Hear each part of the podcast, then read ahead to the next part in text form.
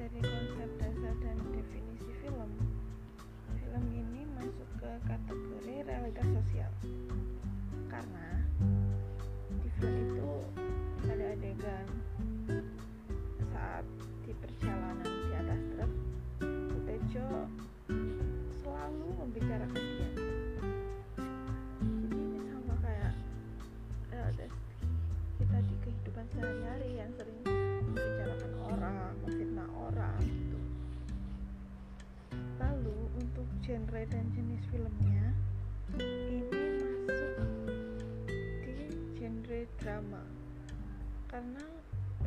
konflik. Di mana Butejo dengan Yukning berdebat? Karena Butejo memfitnah Dian dan Yukning ini sebagai tantenya juga membela Dian oke untuk film pertama Tilik. Lalu kita lanjut ke film kedua. Di film kedua ini ada film pendek yang berjudul anak lanang atau kalau bahasa Indonesia-nya itu anak laki-laki gitu ya. Nah di film ini konsep dasar dan definisi sos eh salah. Maksud maksud aku konsep dasar dan definisi filmnya masuk di kategori realitas sosial. Nah kok bisa sih kok realitas sosial lagi karena di film ini ada adegan di mana empat orang anak SD yang setelah pulang sekolah ini diantar becak dan membicarakan tentang kehidupan sehari-harinya yang diselingi hari ibu. Nah, mereka ini membicarakan tentang ibunya mereka masing-masing yang mempunyai watak yang berbeda-beda. Ada yang malu kalau mengatakan selamat hari ibu kepada ibunya karena kadang ibunya tidak merespon. Ini sangat jelas sekali sih.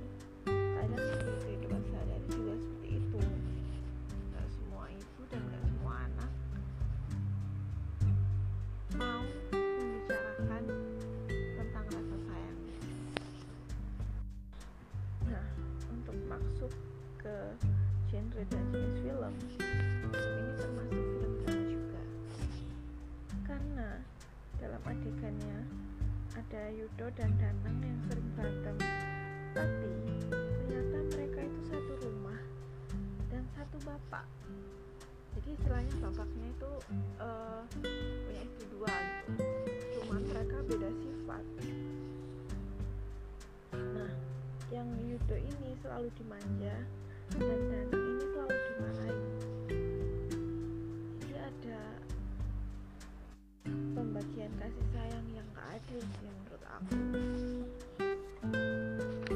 Oke, kita lanjut ke film ketiga. Nah, di film ketiga judulnya itu Los Jogjakartos. Konsep dasar dan definisi film ini adalah propaganda. Yang adegannya adalah calon DPRD yang menyogok pentolan preman di situ agar bisa terpilih dan berjanji akan menyejahterakan serta memperluas daerah kekuasaan preman tersebut. Terus untuk genre dan jenis filmnya termasuk action dan komedi.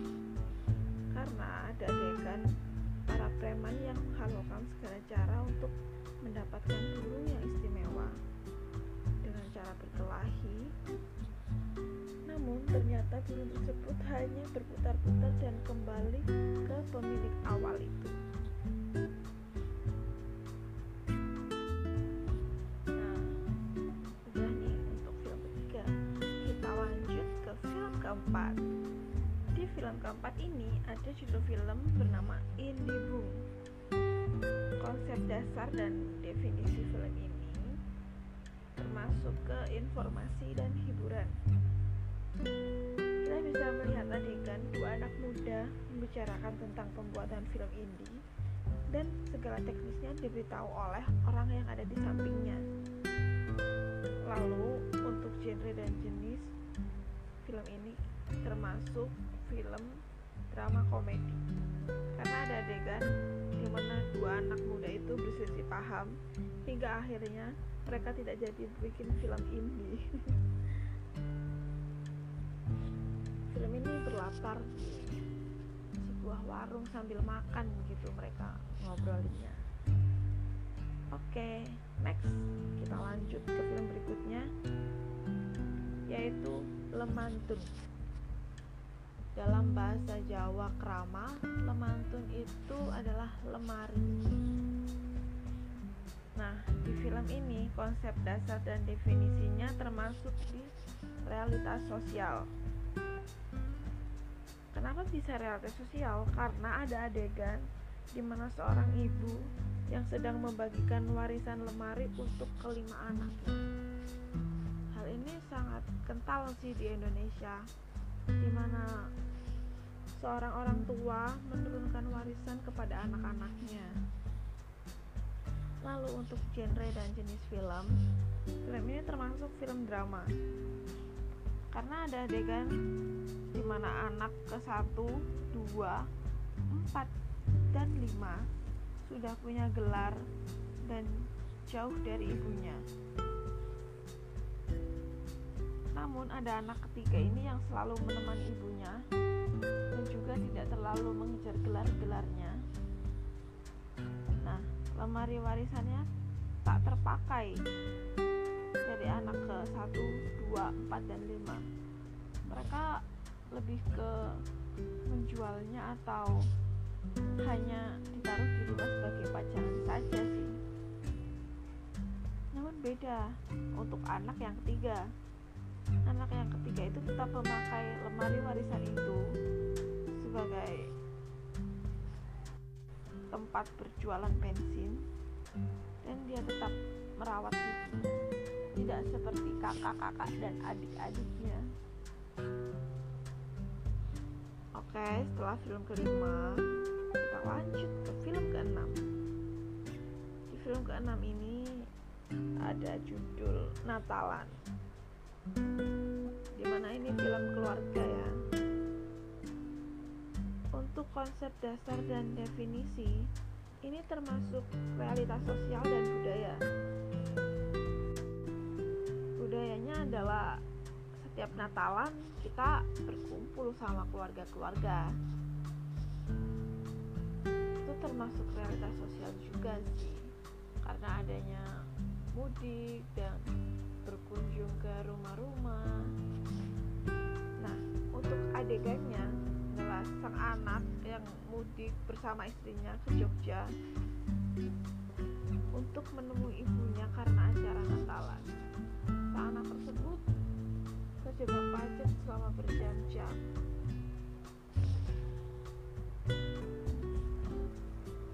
Mereka berantem sepanjang jalan. Genre dan jenis filmnya ini termasuk film drama. Karena ada adegan di mana ibunya mempersiapkan makanan kesukaan anaknya dan menunggu anaknya seharian sampai malam. Tapi ternyata anaknya nggak datang. Dan mereka lebih datang ke rumah orang tua yang perempuan.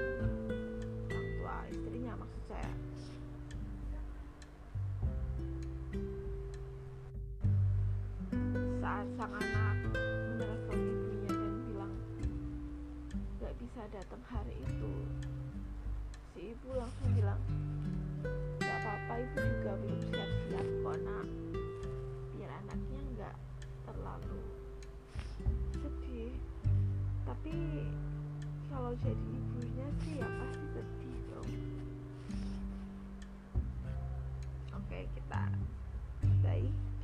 lanjut ke film ketujuh.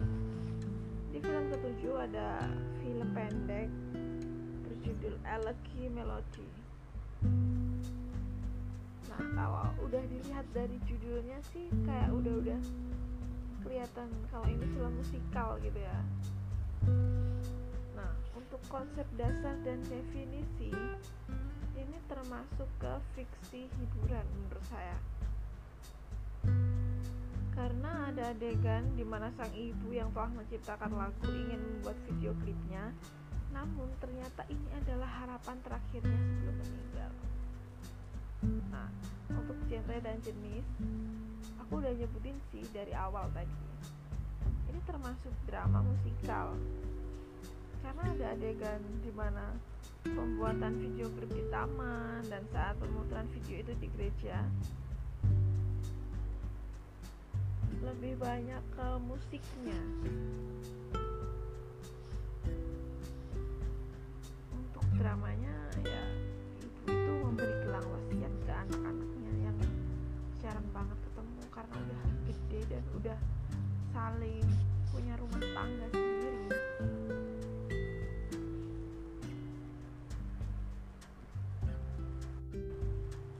Nah untuk film ke-8 ada film berjudul Garwo.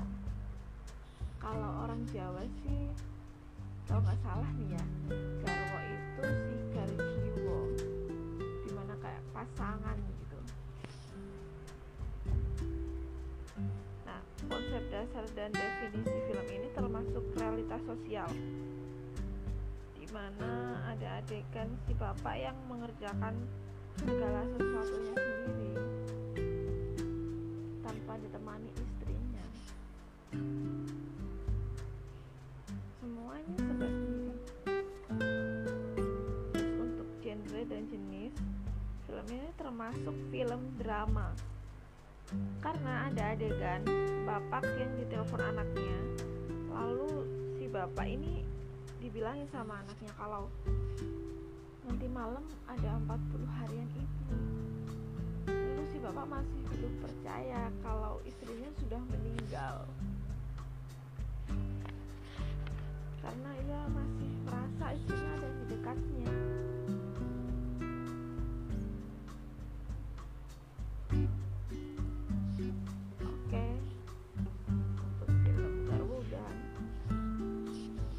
Lanjut ke film ke-9 yaitu kisah di hari Minggu konsep dan dasar. Definisi film ini adalah realitas sosial di mana ada adegan ibu yang membantu anaknya bersiap-siap untuk pergi sekolah ayah yang masih tidur sedangkan anak laki-laki yang nakal tidak mau sekolah. Sang ibu pun stres. Ini seperti kejadian kehidupan sehari-hari sih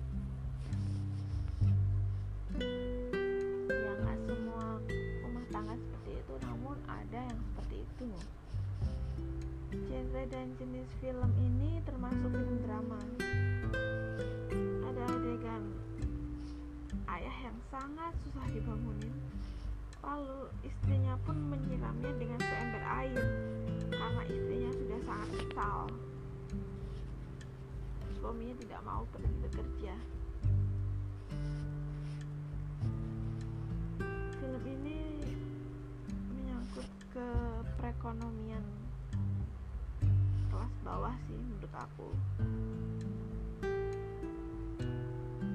Oke untuk film ke 10 berjudul Jidullah Jidullah apa Jidullah Jidullah nah, untuk film Jidullah ini konsep dasar dan definisi filmnya termasuk realitas sosial. Kenapa realitas sosial? Karena ada adegan. Yang Abdullah ini pulang dari Mekah. Lalu kan tinggal haji. Sangat disanjung oleh warga. Masyarakat kita sih selalu seperti itu ya. Tiap ada yang pulang haji disanjung-sanjung makanan dipanggil Pak Haji. Kalau ada yang nggak dipanggil Pak Haji marah karena merasa udah haji. Nah, untuk genre dan jenis film ini termasuk drama. Karena ada adegan di mana Pak Abdullah ini mencalonkan diri sebagai kepala desa dan menjual semua aset yang dipunyanya namun ternyata ia tidak terpilih sebagai kepala desa tersebut. Akhirnya dia makan nasi sama garam aja. Lalu ada bawahannya uh, kayak tangan kanannya gitu lah. Dia menawarkan selebaran untuk calon bupati. Dan si Pak Haji Abdullah ini bersemangat lagi. Padahal semua asetnya udah habis. Karena dia ingin punya kedudukan yang agar semua orang itu melihat dia sebagai uh, kayak seorang pejabat pak haji atau apa itulah. Lalu kita lanjut untuk ke film ke-11 yaitu judulnya kentut atau biasanya di YouTube kalian tinggal search Sound of Pratt. Nanti muncullah film ini. Nah konsep dasar dan definisi film ini termasuk realitas sosial di mana ada adegan kayak penggambaran kehidupan di pasar tradisional sehari-hari. Banyak orang yang berjualan membeli lalu untuk genre dan jenisnya termasuk drama komedi karena ada adegan di mana seorang suami istri pertama lagi lihat-lihat baju nih lalu suami istri kedua lewat tes lewat. Lalu tiba-tiba seorang istri pertama yang tadi memfitnah bahwa orang yang lewat ini tadi kentut dan baunya sepasar Akhirnya si bapak tersebut dituduh dan dipermalukan di depan umum padahal itu bukan ulahnya. Si bapak tersebut lalu digiring ramai-ramai ke toilet agar mengeluarkan isi perutnya biar tidak kentut sembarangan. Padahal si bapak ini emang bener-bener gak kentut.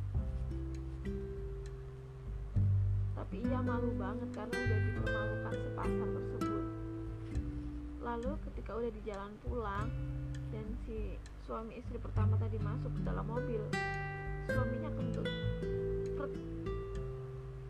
Nah ternyata yang tadi kentut di pasar adalah suaminya tersebut. Bukan si bapak yang digiring ramai-ramai ke toilet. Jadi maksud dari film ini adalah istri pertama ini gak mau malu. Jadi menyalahkan ke orang lain Oke, kita lanjut ke film ke-12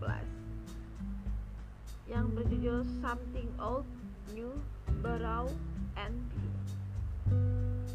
Uh, ini film yang sangat singkat banget sih kalau aku nonton. Cuma 6 menitan lah. Konsep dasar dan jenis film ini termasuk budaya, informasi budaya. Karena ada adegan uh, ada upacara pernikahan dalam adat Jawa di film ini. Lalu untuk genre dan jenis filmnya adalah drama. Ada adegan di mana saat calon mempelai pria sedang membacakan akad dan mempelai wanita yang masih di kamar sambil diberi nasihat oleh ibunya.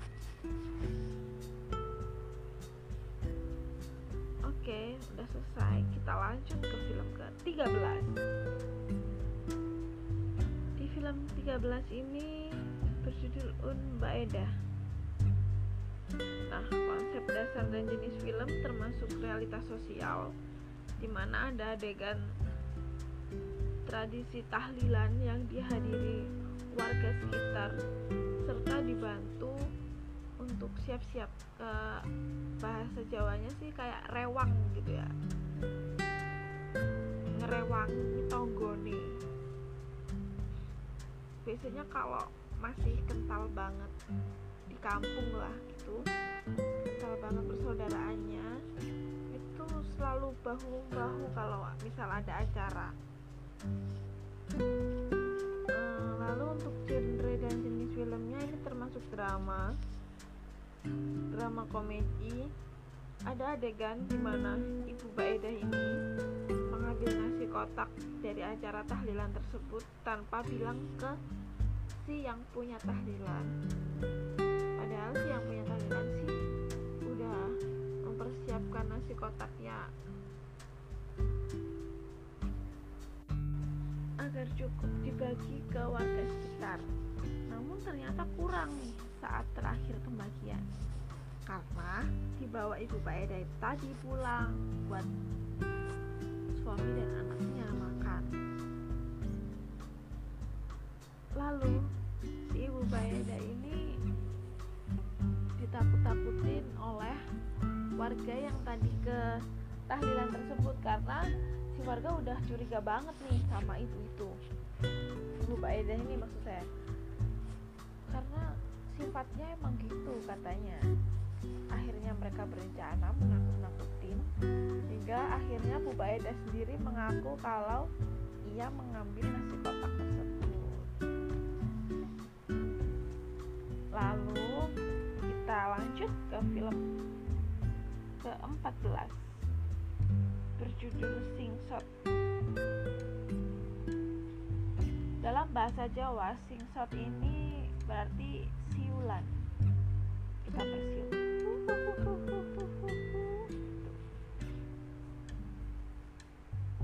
Untuk konsep dasar dan jenis film ini termasuk ke realitas sosial.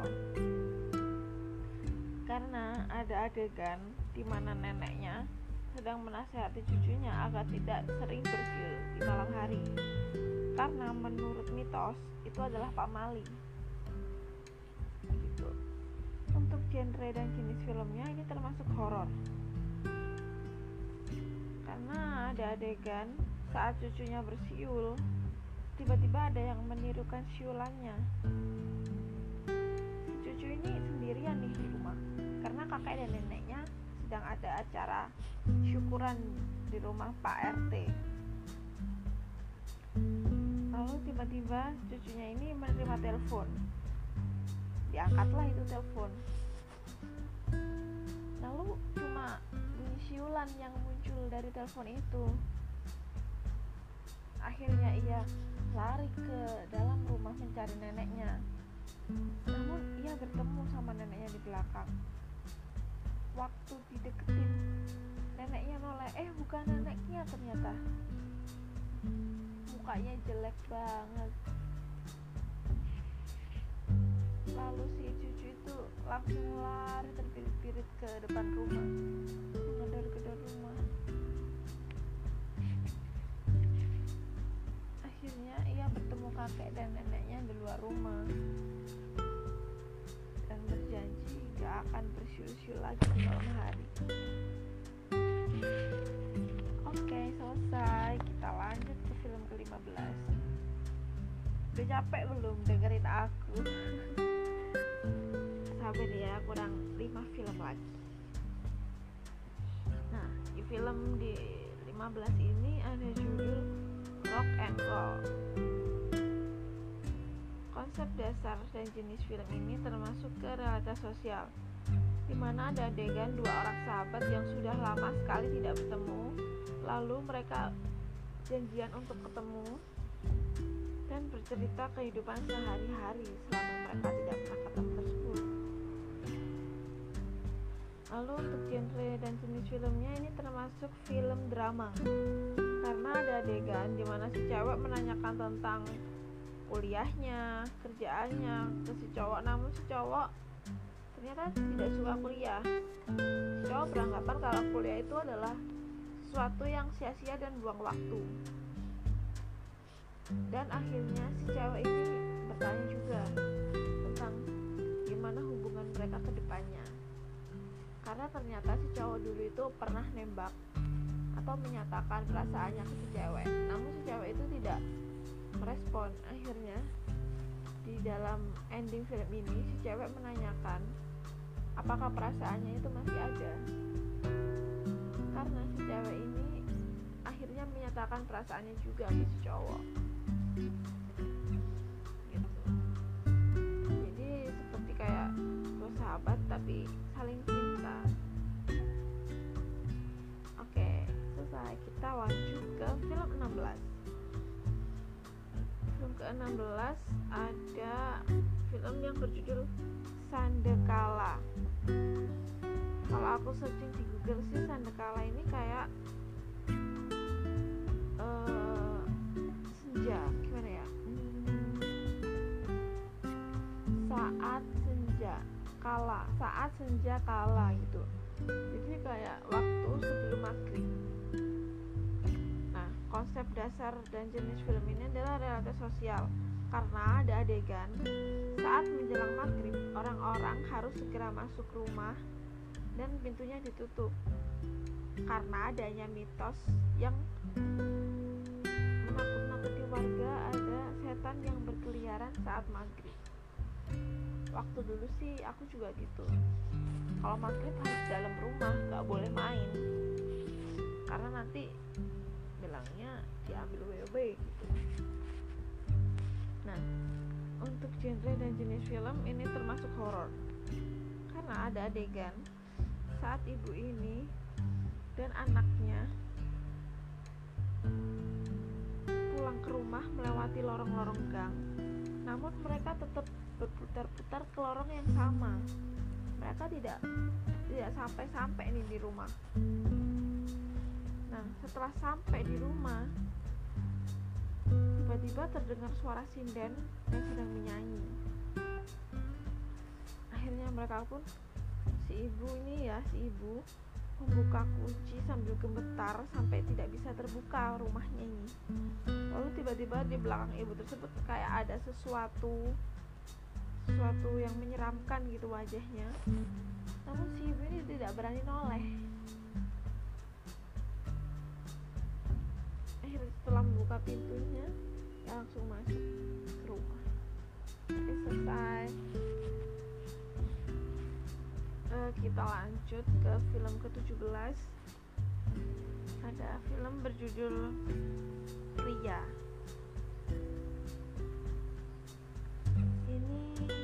LGBTQ ya kayak gay gitu.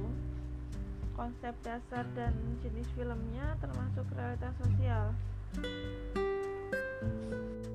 Karena ada adegan di mana anak laki-laki SMA yang sudah dijodohkan oleh ibunya padahal sang anak ini tidak menginginkan perjodohan itu. Karena ia tidak suka sama ceweknya dia lebih suka ke cowok sih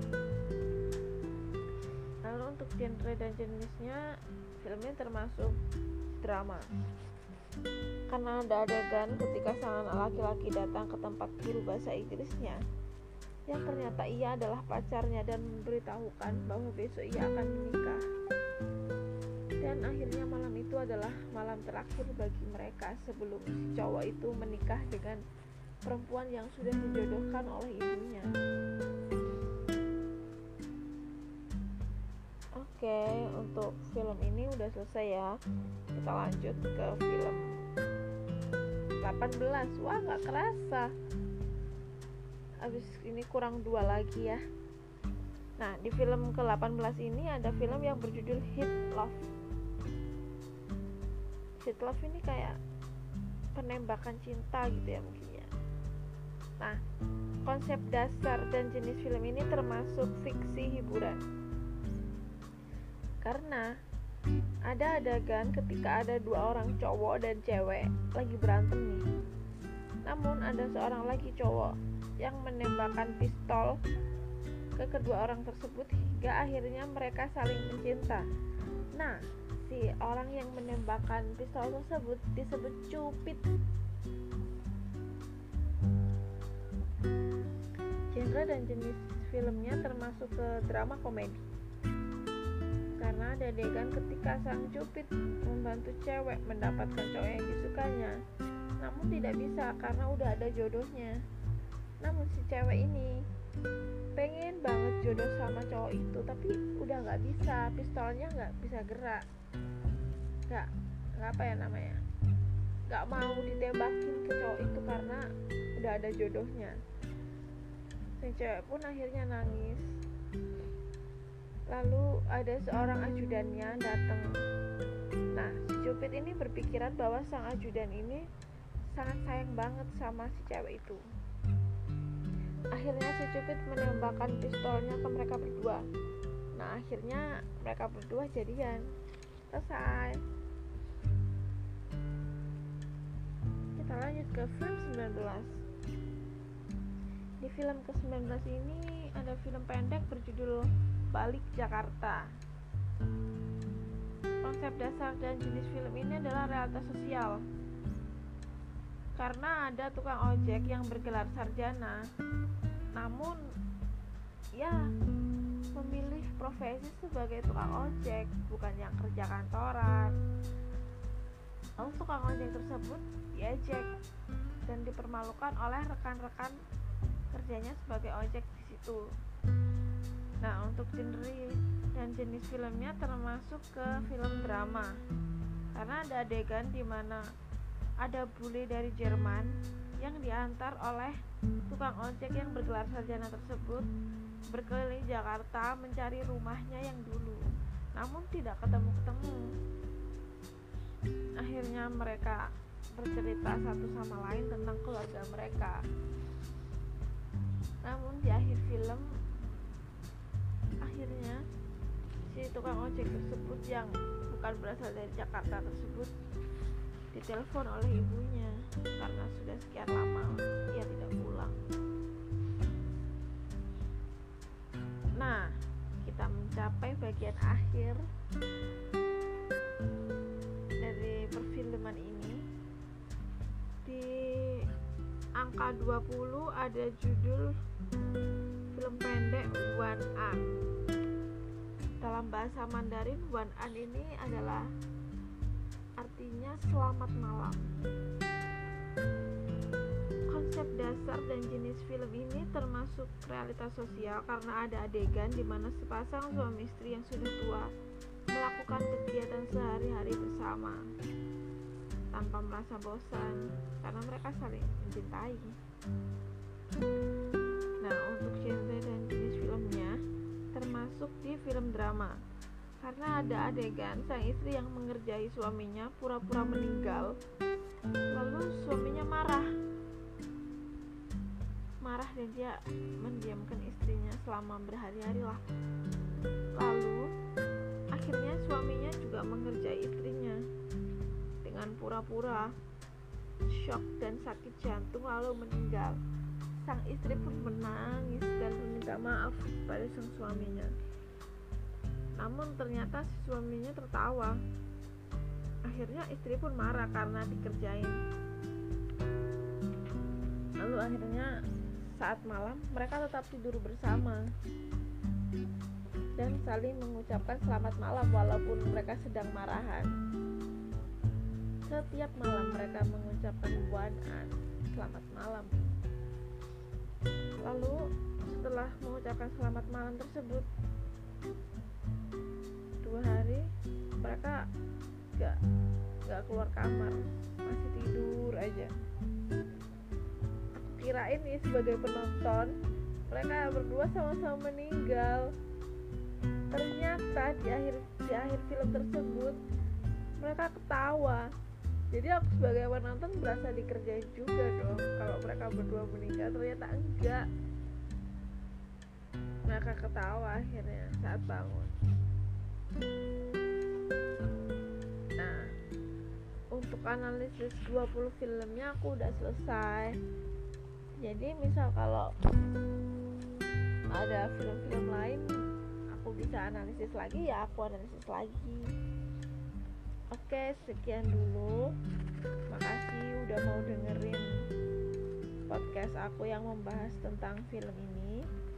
Semoga kita ketemu lagi. Oke bye.